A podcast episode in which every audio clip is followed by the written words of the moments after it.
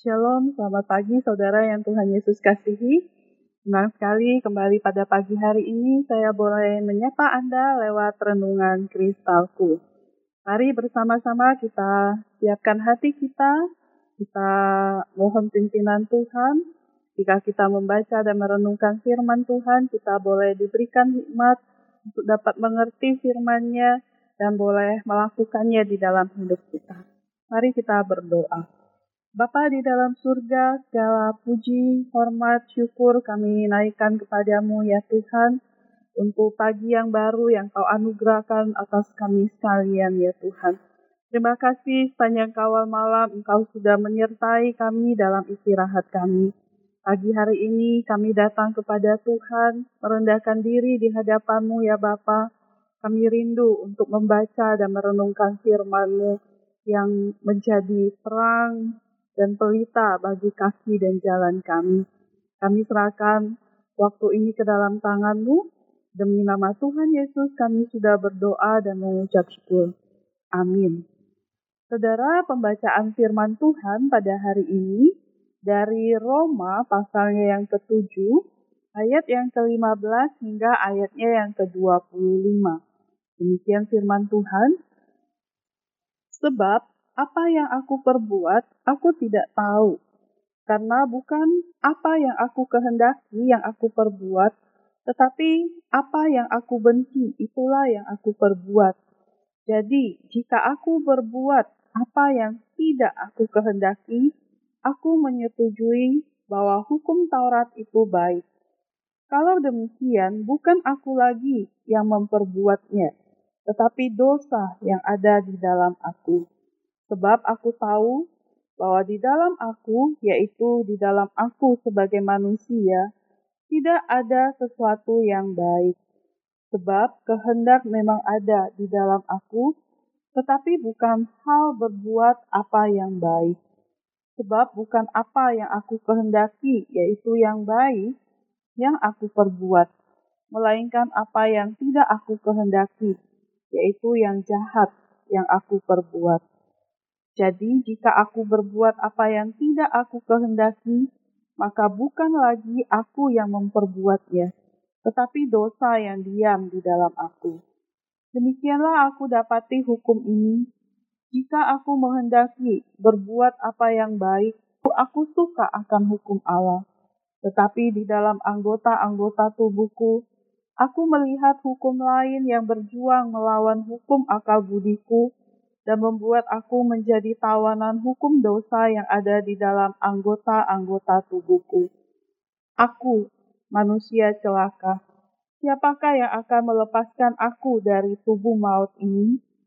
Syukur kepada Allah oleh karena Yesus Kristus Tuhan kita. Jadi, dengan akal budiku aku melayani hukum Allah, tetapi dengan tubuh insan ini aku melayani hukum dosa. Sampai sejauh demikian pembacaan firman Tuhan pada hari ini. Saudara, tema renungan kita hari ini adalah Aku di dalam kamu. Saudara, seorang wartawan bernama Shana Alexander ia menulis sebuah buku yang isinya menaruh simpati pada sebuah kasus yang dialami seorang wanita yang dihukum atas tuduhan melakukan kejahatan serius.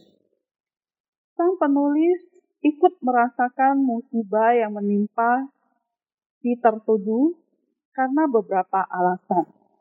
Yang pertama, ia merasa bahwa wanita itu dijatuhi hukuman secara tidak adil. Dua kasus serupa yang lain mendapat kelonggaran dari pengadilan.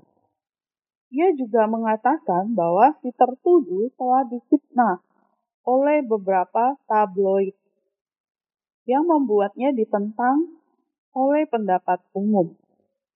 Namun, alasan yang terutama adalah karena Sana melihat dirinya dalam wanita tersebut. Ia mengingatkan saya pada diri saya. Kita semua bisa saja melakukannya, kata Alexander dalam mengomentari kejahatan yang sedang dibicarakan tersebut. Saudara Rasul Paulus pun berpendapat serupa. Ia juga melihat dirinya dalam diri para pelanggar hukum. Ia menyadari bahwa pada dasarnya ia tidak lebih tinggi, lebih hebat daripada mereka. Malahan ia tahu bahwa kita semua layak dihukum. Bahkan fakta ini semakin membuatnya terharu ketika ia berbicara tentang dia, Yesus, yang datang ke dalam dunia untuk menyelamatkan manusia berdosa. Dan ketika Paulus menyatakan di dalam 1 Timotius 1 ayat 15, Paulus berkata, Perkataan ini benar dan patut diterima sepenuhnya Kristus Yesus datang ke dunia untuk menyelamatkan orang berdosa. Dan di antara mereka, akulah yang paling berdosa. Paulus tahu bahwa Tuhan begitu sabar dan bermurah hati padanya. Sehingga Paulus ingin menunjukkan kesabaran dan kemurahan yang sama kepada orang lain. Saudara, ketika kita melihat diri kita dalam diri orang lain, kita akan melihat bahwa pengampunan Kristus tidak menunjukkan bahwa kita lebih baik dari orang lain, tetapi menunjukkan kemurahan hati Allah yang rela mengampuni kita. Saudara, mari kita belajar untuk mengampuni kesalahan orang lain dan terus memohon anugerah Tuhan untuk mengatasi kesalahan diri kita sendiri. Demikian firman Tuhan, mari kita berdoa. Terpuji Engkau ya Allah Bapa di dalam surga. Terima kasih untuk kebenaran firman-Mu yang kami sudah baca dan renungkan bersama-sama di pagi hari ini. Tuhan, kiranya kebenaran firman-Mu terus membawa kami ya Tuhan untuk bersyukur atas anugerah pengampunan daripada Tuhan. Dan kami tidak menjadi hakim bagi sesama kami ya Tuhan. Tapi biarlah melalui teladan Tuhan Yesus sendiri, kami boleh menunjukkan kemurahan hati kami juga kepada orang yang bersalah kepada kami ya Tuhan. Karena kami sadar bahwa diri kami tidak lebih baik dari orang lain, ketika anugerahmu menghampiri kami ya Tuhan.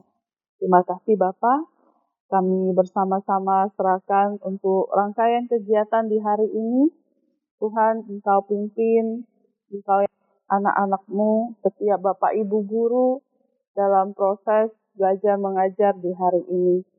Kiranya semua yang kami lakukan itu boleh menyenangkan hati Tuhan. Terima kasih Bapak di dalam surga, kami serahkan untuk keluarga, orang tua. Tuhan, Engkau memberkati dengan kesehatan dalam usaha kerja. Tuhan membuka tingkap langitmu, memberkati kiranya segala kebutuhan hidup Tuhan mencukupkan ya Tuhan. Terima kasih Bapak. Kami sekali lagi menyerahkan sepanjang hari ini ke dalam tangan pimpinan dan penyertaan Tuhan. Demi nama Tuhan Yesus kami sudah berdoa dan mengucap syukur. Amin. Selamat belajar saudara. Bersama Yesus, aku bisa bergerak dan berubah.